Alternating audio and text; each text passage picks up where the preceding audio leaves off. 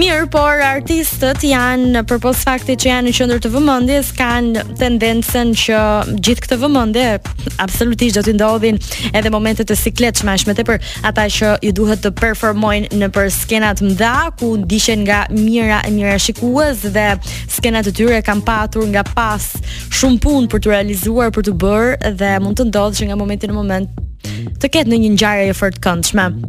Për ta nisur kështu, ë uh, këtë speciale të sotme teksa flasim për momente pikante ose momente që kanë vënë në siklet vipat botëror.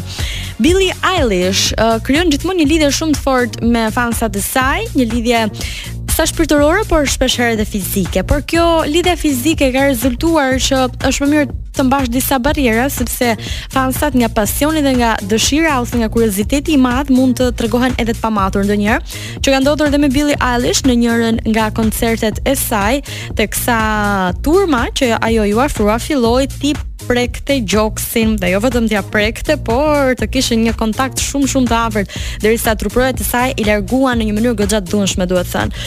Mirë, një tjetër ngjarje që ka shënuar në fakt Sigurisht, kompeticionet apo eventet e mëdha të shpërndarjes së çmimeve muzikore kanë gjithmonë ato momentet e tyre pikante, kanë kush një deklaratë, kush një pakënaqësi, por edhe stafi realizues edhe ata që e drejtojnë duan që për të dhënë sa më shumë vëmendje të ketë sa më shumë ngjarje dhe momente.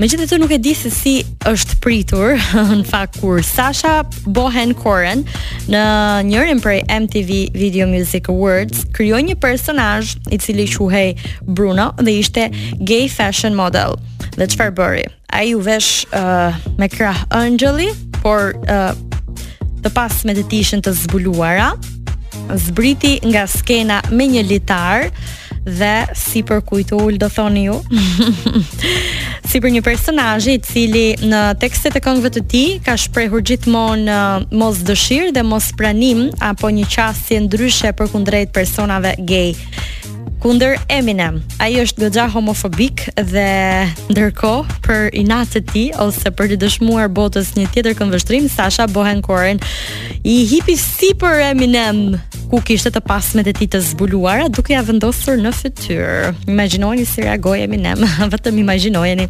Truprojat e tij nga 2 metra mezi e larguan sepse Sacha ishte tepër funny.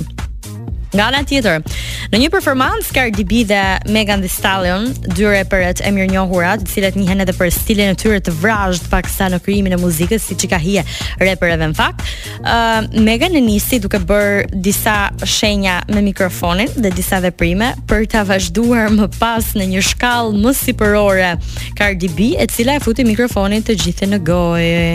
Mirë që nuk i mbeti aty.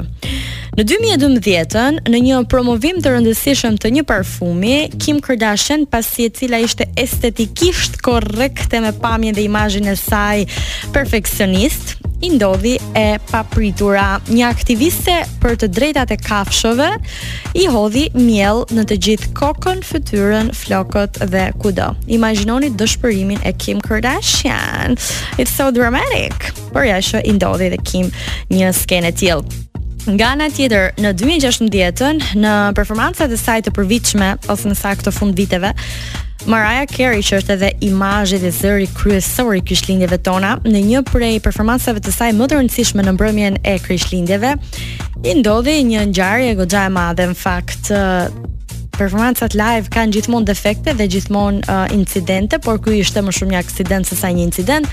Ajo po fliste ndërkohë që kënga vazhdonte. Që do thotë, uh, i gjithë koncerti ishte i luajtur në playback. Madje edhe disa veprime të tjera kur ajo po bënte diçka tjetër, uh, disa momente të realizuara dhe të xhiruara më parë po vendoseshin, pra kishte një kakofoni dhe ajo që tha Mariah më vonë ishte fakti që producentët e saj ia bënë prej inati, duke mos mbajtur përgjegjësi, por megjithatë ishte një moment shumë i turpshëm për një imazh si ajo. Nga ana tjetër, dihet që ka patur gjithmonë një kimi shumë të fortë dhe një dashuri shumë të madhe nga ana e Drake për Nicki Minaj, paçka se ajo nuk është se ka zgjedhur dhe pëlqyer shumë. Në një moment kur ata do të këndonin së bashku në skenë, Nicki i afrohet dhe më pas e largon duke i thënë: "Mos je gjë ndë me Covid ti, largohu se nuk do të këndojmë së bashku." Imagjinojeni vetë se çfarë refuzimi ishte ky për Drake, që ende nuk është martuar sot. Sa e kishte atë numrin ka një 59 ose 60 unanza më duket ose diku tek 70, të cilat do t'ia jepte çdo vajze që ka dashur ta propozojë, po më duket se është i dashuruar me Nickin. Nga ana tjetër, nga ana tjetër, ëm uh, Fergie kur ka qenë pjesë e Black Eyed Peas ka urinuar në skenë. E shkreta nuk e kuptoi më duket dhe nuk nuk i dha rëndësinë e duhur, por publiku sigurisht që e kuptoi dhe përveç se i bënë foto të nesërmen të gjitha portalet dhe lajmet globale u shembën me ato foto duke e komentuar kështu dhe duke ia lënë një njollë, jo një njollë jashtëqitjeje, por një njollë në biografinë e saj. Megjithatë nuk është se u shqetësua shumë Fergie, vazhdoi jetën, herë me Black Eyed Peas, herë pa Black Eyed Peas, gjëra që ndodhin, madje, uh, ka patur këtë vit disa të çudira ku një rockstare nuk po e nuk po e them, po bëri të njëjtin veprim por me dëshirën e njërit prej uh, njërit prej spektatorëve fetishisti paparë ka persona të cilët kanë fetish këmbët, duart, sytë, ndoshta ose ndonjë material tjetër pak më të këndshëm, por ka edhe nga këta që kanë uh, Jashtëqitja. Mirë, tani, unë do ta mbyll me bëmën e bëmave. Se, ky djali, jep mend në të gjitha kuptimet e kësaj fjale. Shkruan bukur, bën emisione spektakolare, është një TED Talker i shkëlqyer, di se si të përcjellë mesazhe shumë të forta, qëndron shumë pro marrëdhënieve dhe jep këshilla të papara për të gjitha vajzat të cilat ndodhen në një udhëkryq, jo vetëm të jetës së tyre, por mbi të gjitha të marrëdhënies së tyre. Kush është martuar, kush është divorcuar, kujt i ka ndodhur diçka, kush është e dashuruar, kush kërkon këshilla për takime, për date. Ai di si të godasë në shenjë. Kjo realizuar edhe falë librave të tij, por edhe gjatë programeve. Por do t'i ndodhte për sy të keq absolutisht një ngjarje, po çfarë ngjarje miqtë mi të dashur.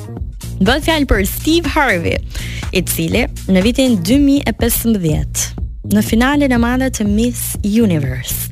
Edhe tani më futen mua ethe dhe suspanca. Ai lexoi gabim fituesen. Duke shpallur kështu Miss Kolumbinë, e cila filloi të qante, të gëzonte, të shtrihej në tokë, të merrte kurorën. dhe vetëm kur kthehet Steve pas 10 sekondash dhe thotë më falni, më falni, më falni gabimi im. Fituesja ishte Miss Filipine në fakt.